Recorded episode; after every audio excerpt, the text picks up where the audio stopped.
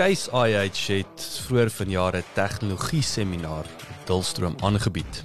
Die paneel het ingesluit professor Ferdi Meyer, bestuurende direkteur beroep vir voedsel en landboubeleid, Dr. Theo de Jager, die president van die Wêreldlandbouorganisasie in SAI, Tony Esmeraldo, die bestuurende direkteur van Corteva en Derek Matthews, die voorsitter van Graan SA. En die onderwerp onder bespreking was die rol wat tegnologie kan speel om Suid-Afrikaanse boere meer volhoubaar te maak. Volgens Jacques Taylor, bestuurende direkteur van Case IH, was die doel van die seminar om 'n platform te skep vir industrie om met mekaar te gesels. Terwyl Federico Bellotto, CNH Industrial se grootbaas, bygevoeg het dat dit 'n inisiatief is om nader aan die verbruiker te beweeg. In episode 1 bespreek die paneel internasionale tendense, asook die vraagstuk rondom hoe tegnologie meer bekostigbaar gemaak word vir die gemiddelde boer. In episode 2 verskuif die fokus na die naspeurbaarheid van produkte en die rol wat tegnologie daarin vervul, asook die multidissiplinêre benadering wat boerdery in die toekoms gaan verg. In episode 3 kry satellietbeeenkomste in Parys, Somerset Wes en Bergwil die geleentheid om vrae te stel aan die paneel terwyl Chris Burgess, die hoofredakteur van die Landbou Weekblad, die seminaar afsluit met 'n paar algemene gedagtes rondom die landboubedryf in Suid-Afrika. Lekker leer en lekker luister. Ek dink die die kort antwoord van vandag is is om 'n platform te skep vir die industrie om bietjie met mekaar te kan gesels. Daar's 'n African proverb wat sê if you want to travel fast, travel alone. If you want to travel far, travel together. En ek dink dit is tog vir my van betrekking op landbou sektor ook vandag, nê, nee, om te sê ons is binne die ekosisteem Ons het besigheidsvennote rondom ons. So ergste moet ons seker maak dat die beleining en die wisselwerking van ons is heeltemal in sync as ek Engels kan gebruik. Ons weet almal in landbou soos jy presies as jy reg opmerk, jy weet dat samewerking is, is eintlik die groot hoeksteen en ek dink vandag wanneer ons kyk na tegnologie, dink ek vorm dit ook 'n groot deel daarvan. Hoe sien jy die korrelasie tussen tegnologie en die volhoubaarheid van landbou? Ek dink dis 'n interessante vraag daai Gerrit en dis 'n vraag wat ons vandag eintlik wil beantwoord nie. Dis ons tema vandag en en dit handel oor die korrelasie tussen volhoubaarheid en tegnologie of eerder die vraag is daar korrelasie en ek hoop dis 'n antwoord wat ons vanmiddag hier gaan uitkry ek wil glo daar is 'n direkte korrelasie Ons het 'n paar interessante paneelbesprekings vandag met hoë profielsprekers. Ons hoop is dat hulle gaan vir ons 'n antwoord gee om te sê is daar is daar 'n korrelasie. Eerste ja, my linkerkant Ferdi Meyer. Ferdi, as jy ons 'n bietjie kan vertel, wie is Ferdi Meyer? Wat kom waar kom jy vandaan en wat doen jy alles? Ja, dankie Gerard. Uh, Goeiemiddag almal en daar ook aanlyn Ferdi Meyer, ek is die bestuurende direkteur van BFAP of Bureau for Food and Agriculture Policy.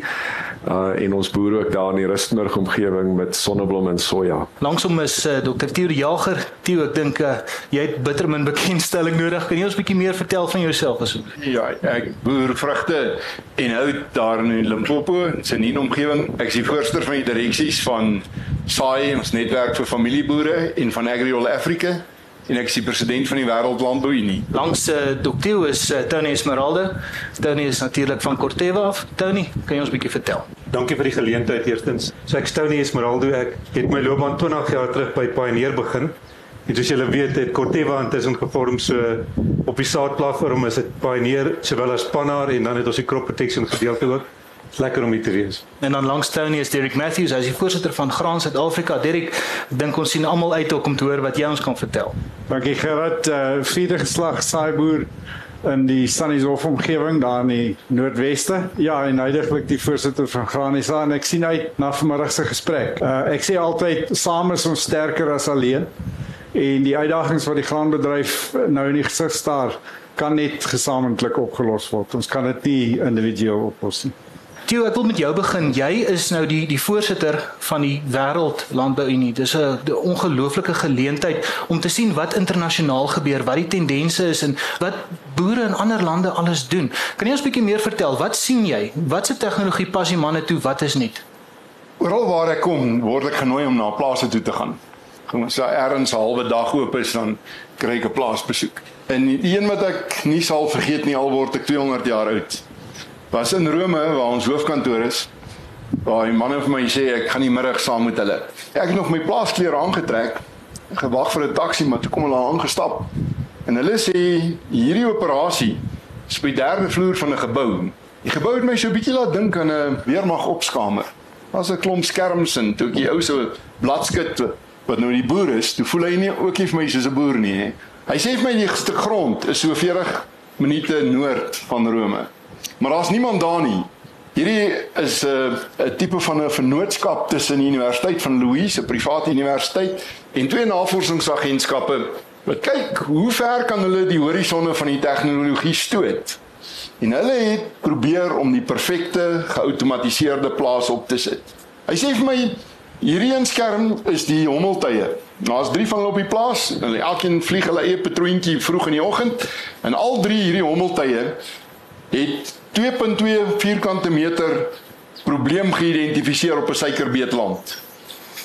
En die stelsel wat hy daai die rekenaar sê, daar's so 92% kans dat hierdie probleem insekverwant kan wees. Maar die stelsel beveel ook my om aan dat daai middelste hommeltuig moet 'n ander pakket hak en moet hy laer en stadiger oor daai 2.2 vierkante meter vlieg en bevestig. Wat toe nou gebeur? Omdat hierdie ou nie die aanbeveling op die aanbeveling reageer nie. Jy het die opsie om iets anders in te voer in die stelsel, maar as jy niks doen nie dan dan gebeur dit daar op die plaas. En die stelsel bevestig toe dit is een of ander koddelingmot wat eiertjies gelê het onder die blare. En dadelik kom die aanbeveling, die grootste hommeltuig moet 'n spuitpakket hak. Ag, dis 'n 1 liter tankie en 'n 30 cm spuitbalkie. En hy spuit net daai 2.2 vierkante meter. En dadelik sê die stelsel vir hom vanmiddag 10 oor 4, die wind sal min of meer reg wees, die lug sal reg wees, dan moet daai middelste hommeltuig weer daar vlieg en kyk hoe wat die impak van die spuit was. Maar intussen gaan een van hierdie skerms bossies hier langs my. Hy sê vir my daai syfertjies wat jy daar sien is die vogmeters in die lande en dit sê basies dat die boonste twee lande wat onder suikerbeet is Hulle is nat genoeg, hulle hoef nie besproei te word vandag nie, maar die volgende stel lande, die twee lande wat alreeds geploeg is, hulle kan vandag gedis word. Volgende twee lande, hulle kan vandag geploeg word. En die res van die plaas, so 54 hektaar groenteplaas, is nog te nat, niks kan gedoen word vandag nie. Hy sê maar teen die tyd dat ek nou moet reageer op hierdie, kan ons eintlik al op die plaas wees. Kom ons ry so lank en toe ons by die plaas kom, toe staan twee van hierdie keistrekkers wat nie 'n kajuit het nie wat besig is om te werk. Die die een ploeg en die ander een dus. En ons stop op die pad tussen die twee lande en ek het hier ding gestaan en gade slaan, maar ek sien nie by my voete lê daar 'n dropper. Ek het die ding opgetel en in daai trekker se pad gaan steek. En terwyl ek nou uitstap oor die groot soeye, hoor ek hier agter my, hy's besig om stoom te verloor en hy stop en hy sluit sy enjin af. En toe ek uitkom, toe sê die ouetjie vir my, daar in die kantoor werk, Hy het 'n SMS gekry van hierdie trekker af. Unknown obstacle. Hy sê hy gaan daar staan totdat iemand weer daai dropper verwyder. So ek het ingestap en die dropper uitgehaal en hy het weer opgestart en hy vet gegee en weer die dis begin trek. Maar toe ek uitkom, toe sê ou vir my, hoor jong, hier's nog 'n SMS van die trekker af.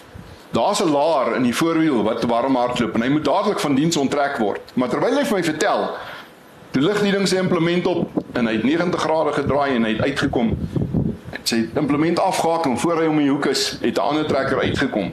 En hy daai implement op weer weer gehak en waar die vorige trekker gelos het, het hy weer gevat. En ek sê vir hierdie ou, it's like watching a horror movie. Wat ek hierso sien sê vir my oor 10 jaar van nou af is daar nie meer plek vir iemand soos ek nie. Hy sê vir my man, jy het nog nie hierdie fliek begin kyk nie. Kom ek vertel jou hoekom is daar suikerbeet daar op by boonste land. Hy sê toe ons slaag gedis is daar. Die volgende dag, toe sê die stelsel vir my op daai skerms, as jy in die volgende 3 dae wil plant en daar's geen rede hoekom jy nie kan plant nie, die weer is reg, alles is perfek, dan is hierdie jou 10 beste opsies. Gegeewe markpryse in die afgelope 10 jaar, die hoeveelheid saad wat nie distrik verkoop is en dis meer, as jy jou beste 3 opsies vir wins terug in jou sak, is hierdie 3. Maar jou beste opsie is suikerbeet. Hy sê omdat ek niks gedoen het nie, het die stelsel die saad bestel. Ja, wil vir jou sê, digitalisering gaan dit wat ons weet van landbouproduksie, dit wat ons doen in die afgelope paar jare, dit wat ons oor droom, nog op sy kop keer. En die toekoms in landbou behoort aan mense met dun genoeg vingertjies vir klein knoppies op selfone en tablette. Baie interessant, baie interessant. Tony, nou wil ek vir jou vra as 'n insetverskaffingsmaatskappy. Ons hoor van hierdie ongelooflike hoë vlak tegnologie. Hoe kan 'n insetverskaffingsmaatskappy wat half en half die rol van 'n raadgewer op plase begin inneem het, nê? Hoe kan 'n so 'n maatskappy inskakel by hierdie ontwikkeling van tegnologie? Wat 'n rol sê julle speel? Ja, so ek dink eerstens in terme van uh as ons kyk na 'n multinasjonale maatskappy soos Corteva, ek dink die waarde dat ons kan bring tot plaaslike produsente is tegnologie. Ons boere kompeteer op 'n wêreldmark. As ons kyk na uitvoere, kompeteer hulle met Chili, met Spanje. As ons kyk na ons mieliepryse is gelink met die wêreldmark. So ons rol is om tegnologie vir boere in Suid-Afrika te bring. Nou ons kan kyk na die wye spektrum. Ons begin by genetika, nuwe metodologieë om beter genetika te ontwikkel. Tweedens in terme van biotehnologie en dan in terme van crop protection, nuwe molekules om boere te help in terme van dit. So ons sien ons rol om die wêreldtegnologie na Suid-Afrika te bring, want ons boere kompeteer om die wêreldmark en as jy nie die tegnologie het nie, gaan jy nie op daai markte kan kompeteer nie. Nou verder as ek vir jou kan vra in die internasionale mark en in die plaaslike mark, hoe lyk die tendense? Waarna kyk ons? Ja, kyk in terme van jou ehm um, tegnologie in 1910 het ons 600 dollar 'n ton nodig gehad om 'n ton mielies te produseer of dit was maar die markprys 600 dollar delik. en dan uh, ek weet nou in reële terme lê ons by 200 150 dollar 'n ton. So is eintlik maar die sukses van tegnologie oor al die jare. En 'n mens uh, as jy nou mooier nou fyner na die tendense begin kyk, dan sien jy eintlik maar waar sien nou die skuif ingekom het na trekkers, na mekanisasie toe. En dan sien jy jou jou blips ook van 'n oliekrisis, jou ehm um, klimaatskrisisse, maar die tendens is al die pad afwaarts. So wat sê dit vir ons eintlik oor tegnologie? Ons is gedurig besig, die wêreld is besig om eintlik maar meer produktief. Elke ton, elke kilogram wat ons produseer, word met meer optimale insette geproduseer. En dit is as ons nou maar terugkoppel Jacques ook aan aan die storie van kan tegnologie volhoubaarheid van landbou beïnvloed. Daar's jou antwoord eintlik, hmm. nê. Nee. En, en 'n mens kan nou klomp stories begin vergelykings tref tussen wat ons in Afrika sien, watse tendense sien ons daar in terme van tegnologie, watse pryse, hoe lyk die hele ekonomie rondom dit en dan eintlik hoe tegnologie belangrik is om die volhoubaarheid van boerdery te bevorder. Eerstens en tweedens eintlik gaan dit oor maar voedselsekuriteit om in om die wêreld te voed, nê. Nee. Met watse insette, met hoeveel natuurlike hulpbronne gaan ons dit regkry om hierdie waar deur die drif te trek teen watse ekonomie en watse kostes? Nou Derek uit die, die aard van die saak as as voorsitter van Graan Suid-Afrika en self 'n boer, dink ek skakel jy elke dag met eintlik al ons graanprodusente. Kan jy vir ons sê wat is die huidige situasie met die graanprodusente in die land en hoe kan tegnologie 'n rol speel om hulle meer volhoubaar te maak? Geld so dit goedkoper geraak om 'n ton mielies te produseer. Maar mense moet dan reg ook vra waarom is dit so? En dit gaan oor die winsmarge wat 'n produsent op sy plaas beleef en sou daai marge krimp dan word hy geforseer om meer effektief te wees. So as jy geforseer word om meer effektief te wees, dan moet jy alle hulpbronne wat tot jou beskikking gebruik om daai effektiwiteit te bewerkstellig. En in ons hedendaagse geskiedenis, ons moderne geskiedenis is tegnologie en die ongelooflik vinnige ontwikkeling van tegnologie die antwoord. Dis waar boere hulle effektiwiteit dan nou gaan soek het. Die Suid-Afrikaanse produsent is bekend om 'n baie vinnige aannemer van tegnologie in teenoor van die vinnigste die Engelse woord is adopters of technology is Suid-Afrikaanse graanboere. Maar dan vra ek myself af at what cost? Teen watter koste? En as ons kyk na die die koste van die ontwikkeling van die tegnologie, die koste van die aanskaf op 'n plaas van die tegnologie, dan dink ek verder kan ons daai grafiek nog baie verder afbring as dit meer bekostigbaar was of makliker of 'n ander manier was waar meer produsente toegang kon kry tot die tegnologie. Ons kan gerus gaan kyk na watter produsente benut die tegnologie tot op 'n vlak waar hy regtig sy effektiwiteit verbeter. En dis vir my 'n uitdaging. Die deursnee graanboer van Suid-Afrika kan nie bekostig om eensklap sy boerdery op 'n tegnologiese vlak te sit waar hy onmiddellik effektiwiteit kan bewerkstellig deur die gebruik van tegnologie. So ek dink dis 'n uitdaging wat ons saam met die tegnologie verskaffers, het sy uit die saad en jy weet uit die plantkunde afdeling of die masjinerie afdeling. Ons moet saam sit en, 'n manier vind wat ons daai tegnologie makliker, goedkoper, meer bekostigbaar op die plase kan neersit. Dan kan ons effektief wees. Tien nou wil ek vir jou vra Derek made a very valid point. Wanneer dit kom dat jy nie net kan eensklaps alles tegnologie oorslaan nie want ek meen jou koste is baie hoog. So wat sou jy sê, wat is die hoof fokuspunte wat 'n boer in jou mening na moet kyk wanneer hy begin om hierdie tipe tegnologie op sy plaas te wil inbring?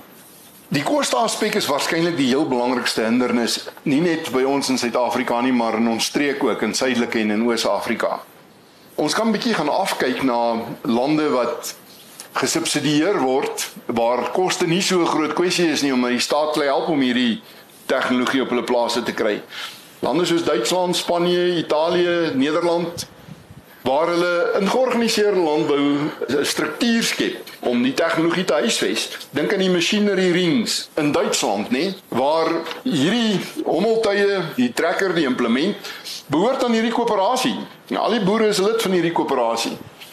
En daar's iemand wat op, spesiaal opgelei is as 'n operateur daarvoor en die groot kuns is eintlik om betyds op elke ou se plaas uit te kom wanneer dit reën intussen en, en dan voel almal die masjinerie ring kom te laat by hulle aan.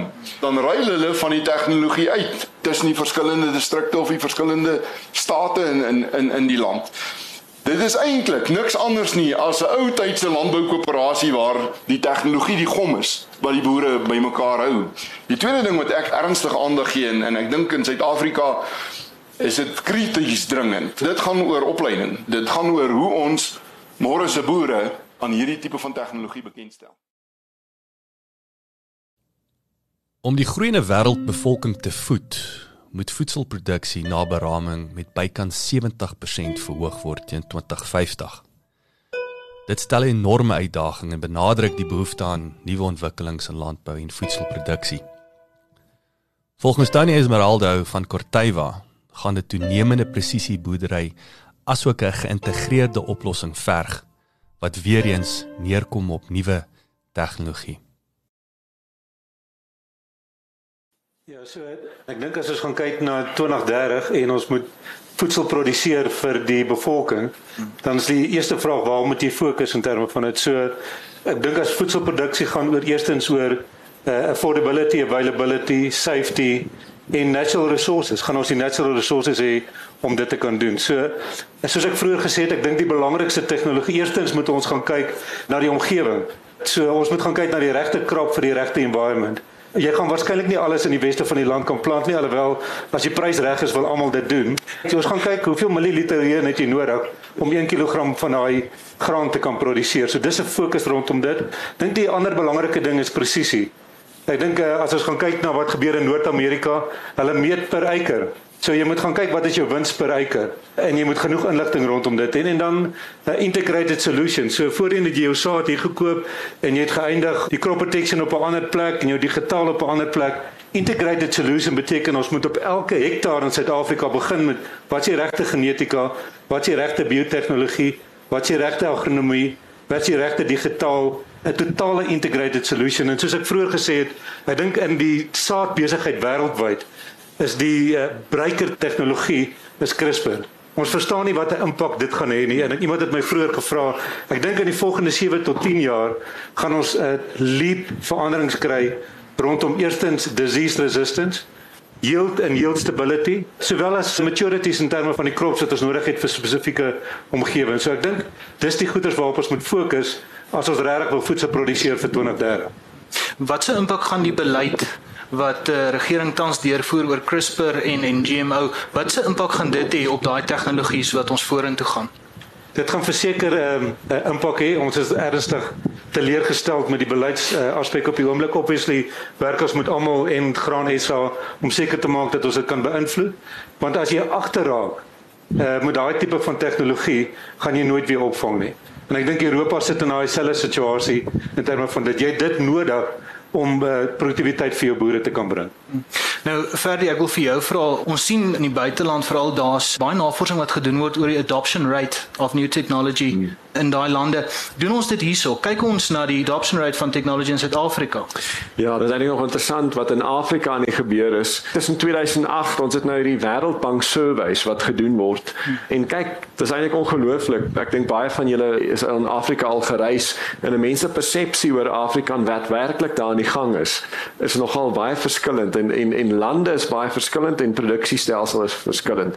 So kom ons kyk net na daai tendens en daar's 'n dramatiese toename van trekkergebruik onder kleinboere ook en ook onder kontraktering van masjiene onder kleinboere. So die opname van tegnologie en ek sê saam met Derek, daar's verskeie studies wat wys hoe groter jou risiko is hoe vinniger is jy op tegnologie, maar hoe baie meer spesifiek is jy. Jy's ja. baie selektief ja. op tegnologie. En dit kom ons nou agter. Ons is tans besig met 'n program met die naam Data Intensive Farm Management. Wat ons uitrol, ons het nou begin met so twee plase. Ons is nou 12 landerye, 6 boere van hulle is hierso. Dis eintlik op die cutting edge van die goed job wat jy nou hier ook gewys het om wat kan jou masjien doen met sê net maar variable seeding rates om 'n optimale plantestand te kry nê. Nou wat ek eintlik jou vraag is die die Amerikaners rol hierdie program uit in Argentinië, Brasilië, Amerika sal al 3, 4 jaar besig en ons rol nou hier uit in Suid-Afrika. En die ouens was hier, hulle sê hulle het nog nie so iets gesien nie. Nie in Amerika, nie in Brasilië nie. Ons boere is ver voor. En dit gaan oor hulle die fokus om regtig te verstaan wat hierdie masjien doen. Want as daai masjien nie dit gaan lewer nie, gaan ek dit nie bekostig nie. Ja. En wat hulle nie ken nie. So die Amerikaners, hy sê letterlik, we buy the machines because we love them. Jy weet hulle wil altyd daarvoor die beste masjien hê en dan sit great nice to have amper om te kyk na hierdie wonderlike variable seeding rate wat die masjien kan doen. Maar die vraag is, wat doen jy met daai data? En ek dink jy het so 'n bietjie verwys na training, maar dit gaan oor die om insig uit jou data uit te genereer, om op die ou einde die regte besluit te kan neem om jou wins te kan dryf. En ek dink dis seker waar die Suid-Afrikaanse boere die waar die onderskeid inkom. Ek dink technology adoption as jy net sê hoeveel high-tech masjiene word daar verkoop. Dink ek nie weet nie Jacques, miskien het jy beter syfers eh, en kan regtig 'n benchmark oor die wêreld gee. Maar ek gaan my geld daarop sit om te sê die Suid-Afrikaanse boere gaan soos technology sharpshooters wees en hulle gaan daai tegnologie vat wat werklik vir hulle daai wins in die sak inbring. Ek weet nie of dit sin maak nie. Ja, ek weet nie Tony op op die saadkant mm -hmm. dink ek is jou jou cost benefit is ek wil nie nou net jou beeld blaas nie, maar jou cost benefit op die saadkant is redelik voor die hand liggend, nee. Mm -hmm. Op jou masjinerie kant begin die ouens meer selektief en fyner kyk om te sê what's in it for me en jou scalability is 'n baie groter faktor as op die saadkant. So miskien is dit scalability wat die groot issue is rondom watse tipe tegnologie en jou adoption rate op dit is. Derek, hoe sal jy 'n som maak voordat jy besluit om te belê in tegnologie? Waarna waarna kyk jy? Wat is die faktore wat jy in ag neem? Wel, daar moet 'n duidelike manier wees om te bepaal wat is die rendement op daai belegging onmiddellik. Daar is nie meer marges in die Suid-Afrikaanse graanekonomie. En as ons die nie die nuutste som maak met die huidige insetkoste, dan is dit eintlik skrikwekkend. So dis absoluut die drywer, maar wat Ferry nou genoem het van die DIFM, die Data Intensive Farm Management. As jy nou geleentheid kry om die kaarte te sien van daardie die eksponensiële groei en die eksponensiële ontwikkeling van antwoorde, nê, nee, is ongelooflik. So jy kan op 'n land kan jy honderde proefpersele hê wat vir jou 'n verskeidenheid antwoorde kan gee wat etlike jare se navorsing in die verlede sou geneem. Die snelheid waarteen jy kan kom by die som wat vir jou sê dit is die rendement op jou kapitaal is soveel vinniger.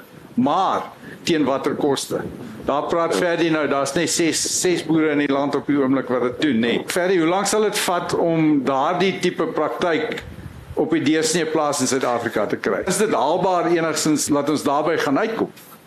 Ek dink scalability, dit gaan oor die oor die boere kombinasie van goed. Jou tegnologie wat jy op die plaas het obviously, maar die learning, nee, wat jy daar uit kry. So die feit dat hierdie masjiene dit kan doen Dis jou eerste aspek wat jy nou genoem het, Erik, is wat ons eintlik nou doen is die ou tradisionele manier van sien maar plante stand, plant plantdigtheid. Ja, ons het dit altyd op 'n proefplaas gedoen met 10 meter rytjies, nê? Nee? En dan herhaal jy dit miskien 10 keer. So wat hierdie tegnologie nou doen op 'n ons het blokke van 80 hektaar ja. blokke. Dan dan programmeer jy daai planter om variable seeding rates randomized te plant en dan kom die stroper en dan oes jy daai data en dan sit jy die wiskunde agter dit. So wat jy nou het, jy het 2000 observasies. Skielik, jy het nie net meer 10 rytjies wat jy dit doen nie. So jy het met 'n baie groter statistiese betroubaarheid en daai learning nou kan die res van die boeregemeenskap actually 'n beter gevoel kry oor wat is die verhouding tussen plantestand, opbrengs, kunsmistoediening, grond, profiel om meer ingeligte besluite baie meer akkuraat. So die eerste ding is die die voordeel uit die feit dat daar 'n paar ouens is wat dit kan doen, kan 'n learning vir almal gee. Almal gee. So daar is scalability aleers net op die learning curve en en, en obviously gaan dit dan gaan oor skaal. Hoe groter as jy daai tegnologie kan bekostig dan gaan ons dit uitrol na 'n groot klomp boere toe. Dis die so, belangrike deel ja so jy kan as jy daai tegnologie kan bekostig daardie trekker wat daai planter moet trek wat al die tegnologie in het om die data te versamel. Aan die einde van die dag moet die produsent homself oplei om die data te kan interpreteer en nuttig gebruik, nê. Nee. Dit gaan bepaal word deur die die opleiding of die standaard van die produsent, nê. Nee. Maar hoe kom jy daar? Jy weet dis nie bekostigbaar om vandag net 'n groot trekker met 'n variable rate planter te gaan koop nie. Ek vat my eie plaas as 'n voorbeeld. Ons het begin deur die kartering van die grond spesifiek om by die regte inligting te kry. Dis die fondament van die presisie om daai effektiwiteit te bring. En dan bring jy die tegnologie in wat jou nou kan help om dit te bestuur. En dan toe hak ons vas by 'n punt waar jy weet ek kan nou al die data bymekaar maak, maar kan nie kom by die punt waar ek my planter kan toerus om jy weet om variërend toe te dien nie. Dis daai brug is net te groot. Dis een tree te ver. En dis die oplossing wat ons moet soek. Anders weet ek nie hoe gaan ons regtig die waarde van die tegnologie op plaas in Suid-Afrika kan benut nie. Vir die miskien net om aan te sluit, ek dink jy verwys na ses proewe want as ons kyk na ons doen al vir die afgelope 5 jaar proewe wat ons sê genetics by environment by soil type by potential. En ons het op die oomblik vir enige boer in Suid-Afrika vir elke genetika, wat is jou potensiaal en jy kan dit load in jou planter en die variable doen in terme van dit. In Noord-Amerika doen hulle dit verskillende hybrids hmm. ook per land dat jy kan wat ek weet nie of daai tegnologie reeds is maar variable planting rate dink ek is bietjie wyer as net die ses gevalle waarvan jy praat. Ja ja. Ja, ja ek wil hierdie yes. is nou net 'n uitrol van die hmm. program self. Yes. Okay. Hmm. Ja.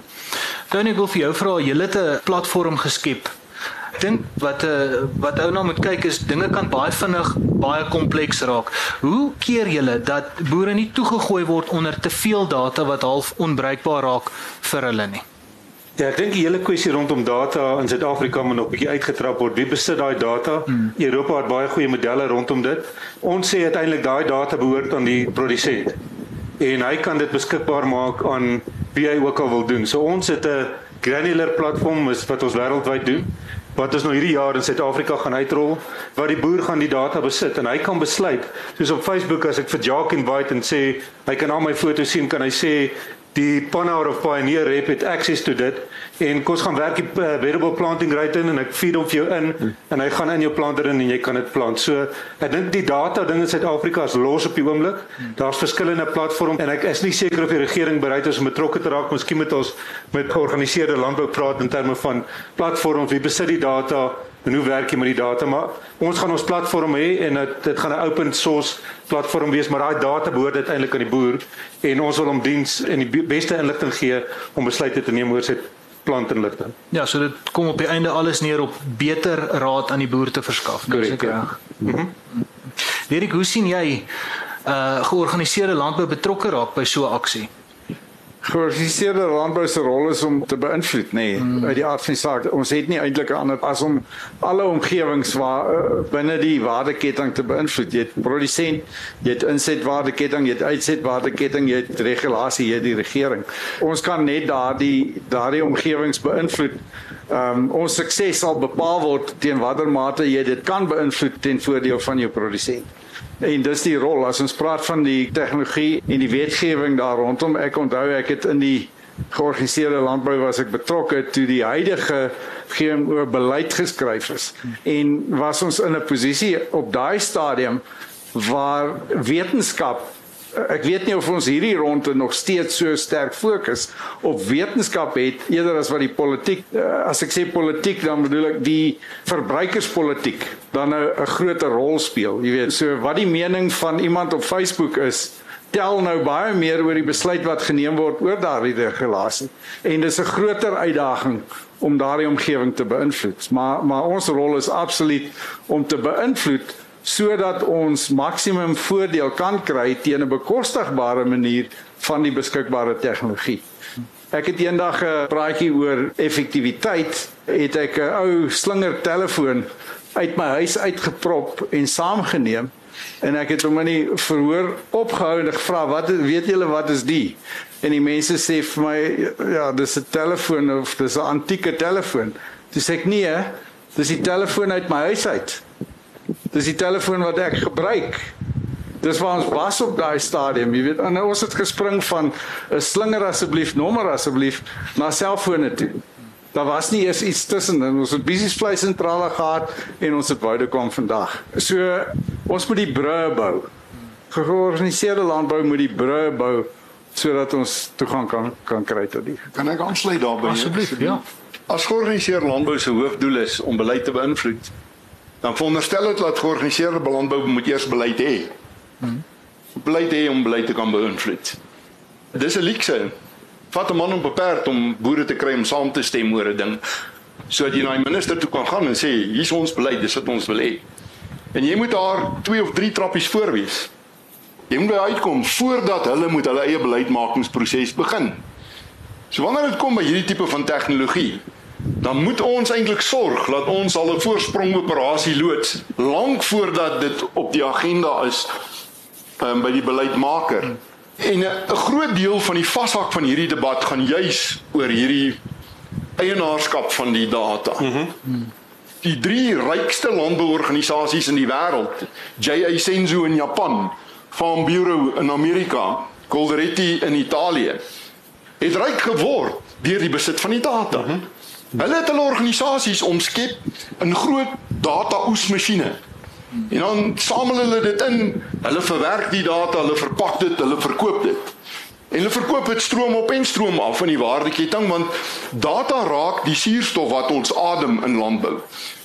Ek sal nooit vergeet nie, so 3 jaar terug het Bill Gates my genooi om 'n dag by hom te kom kuier. En na die tyd het ek besef eintlik al wat waarvoor hierdie hele dag gegaan het, dis hy wou vir my sê Terwyl data aan die nuwe goud is van landbou, moet ons as boere nie deelneem in daai stormloop nie. Ons moet die winkel opsit wat die grawe verkoop vir die wat wil myn vir die data. En daaruit moet ons ons data fabriek verder finansier. Hoe meer boere deelneem, hoe sterker is die integriteit van die data. As die data se integriteit nie reg is nie, dan maak dit in elk geval nie saak dat jy probeer om dit te implementeer. Maar jy weet uh, Theo, ek sit nou en luister, jy sê jy moet 'n winkel opsit om die grawe te verkoop. Hoe die ongeluk sit jy 'n winkel op? hoe doen dit? Hoe doen 'n ou dit prakties? Hoe hoe gaan ons dit prakties regkry om hierdie data te kan bemark en om en om daai grawe dan uiteindelik te verkoop? Ek sien dit as die nuwe generasie landbouorganisasies se rol. Bill Gates het daai dag vir my gesê niemand, nie eers hy en Microsoft, het die kapasiteit om van plaashek tot plaashek te gaan en om die data te gaan insamel nie. Maar 'n landbouorganisasie kan een groot hek wees waardeur al die data kom. Jou lede voer dit daarin. En daai data is divers.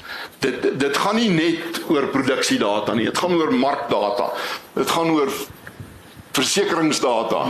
Daar's heelwat van die vennote elders in die waardeketting wat data gedrewe strukture is, nê. Nee, versekerings is byvoorbeeld uit en uit 'n data gedrewe struktuur. Daarom dat al hierdie drie groot of rykste landbouunies het versekeringsmaatskappye wat die eerste rafel is waarna hulle trek om om om die data in te kry. Maar dit gaan ook oor jou ehm um, geografiese data, jou biodata. Wie wie is hierdie boer? Wat is sy opleiding? Waar is die die, die punte waar hy hulp nodig het? En dan uiteraard ook die ehm um, passiewe data, die die data wat gegenereer word tussen masjiene wat op hierdie stadium nie nie verdam. As 'n ou dit alles kan bysit om die mees volledige data prentjie te kry en jy gaan nooit die perfekte ene kry nie. As hy onvolledig is, dan moet jy weet daarso is gate in die net waar jy iets kan val. Verdie nou BFAP, julle ouens samel data die hele tyd en nou in jou opinie hoe gereedelik dink jy gaan Suid-Afrikaanse boere daai data beskikbaar stel? Dis 'n goeie vraag. Ons maak 'n klomp data bymekaar. Ons het 5 jaar terug 'n data science eenheid begin by BFAP, eintlik maar met 'n antisipering wat kom en hoe ons die hele monitering watse data ons kan skryp want dis wat die ouens doen, hulle skraap data.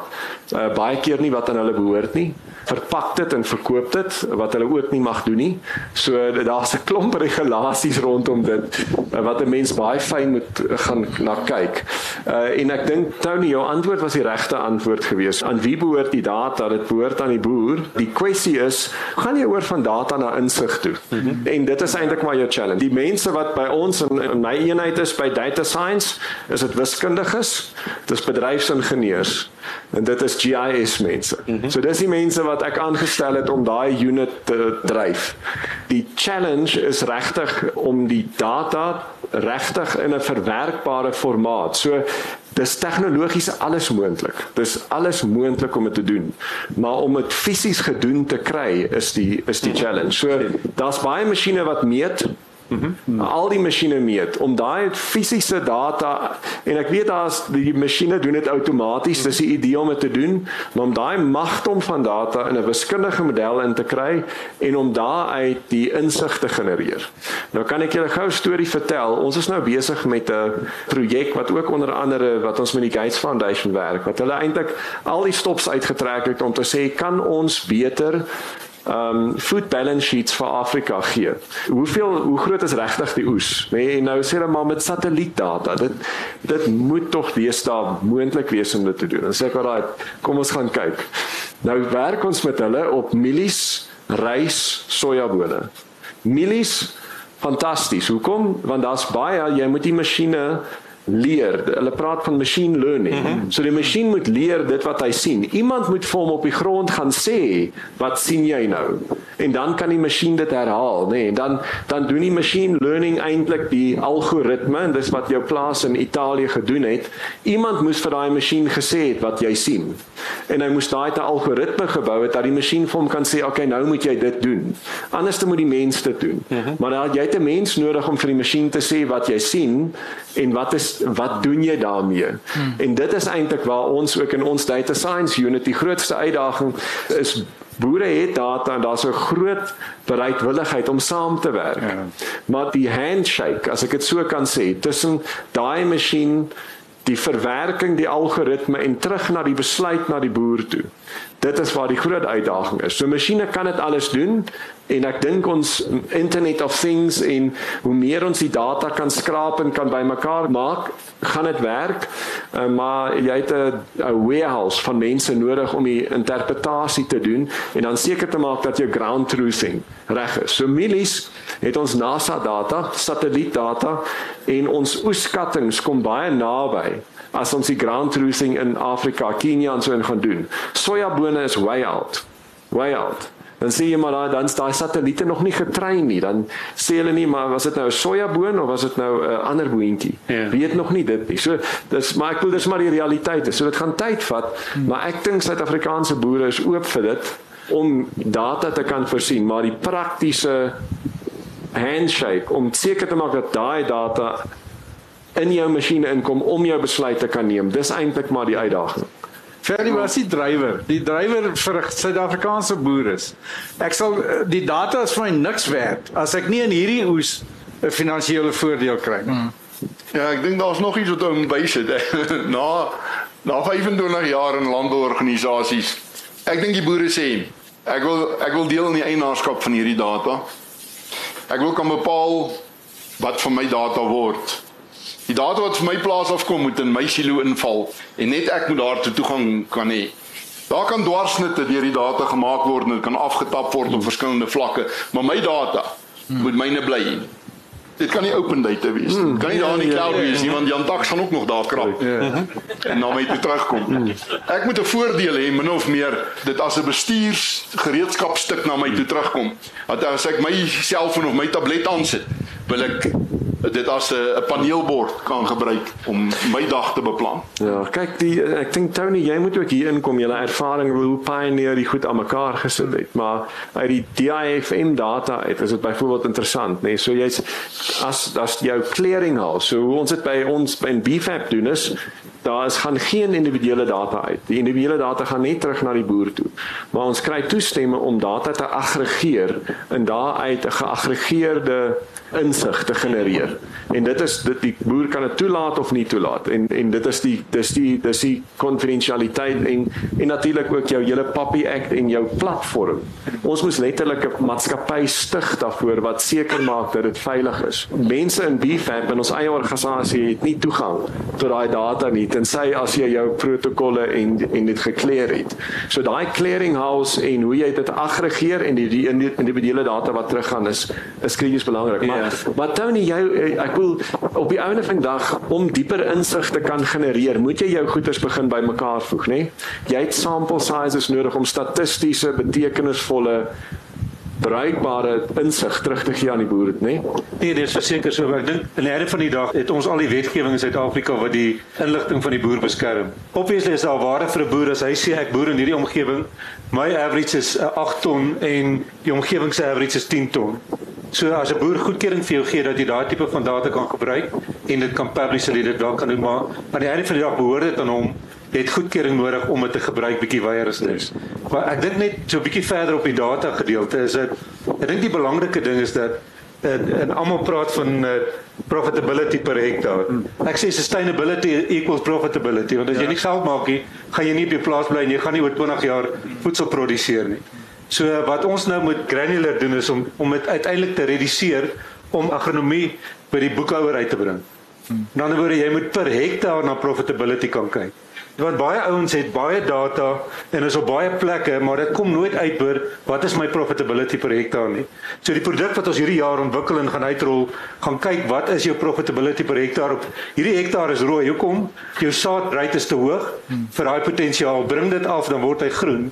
So as jy nie op daai vlak kom nie, dan is dit mooi om na prentjies te kyk en kyk hoe strope ek en kyk na die averages en baie boere as jy op die plaas kom, die eerste ding wat jy wys kyk hoe werk dit daar, maar jy moet dit uiteindelik terugbring Nou, watse besluite wil ek daai neem om my profitability te verbeter? Vir ons op op die mielieplaas op die graanplase in Suid-Afrika is die gemiddelde nie meer goed genoeg nie. Hmm.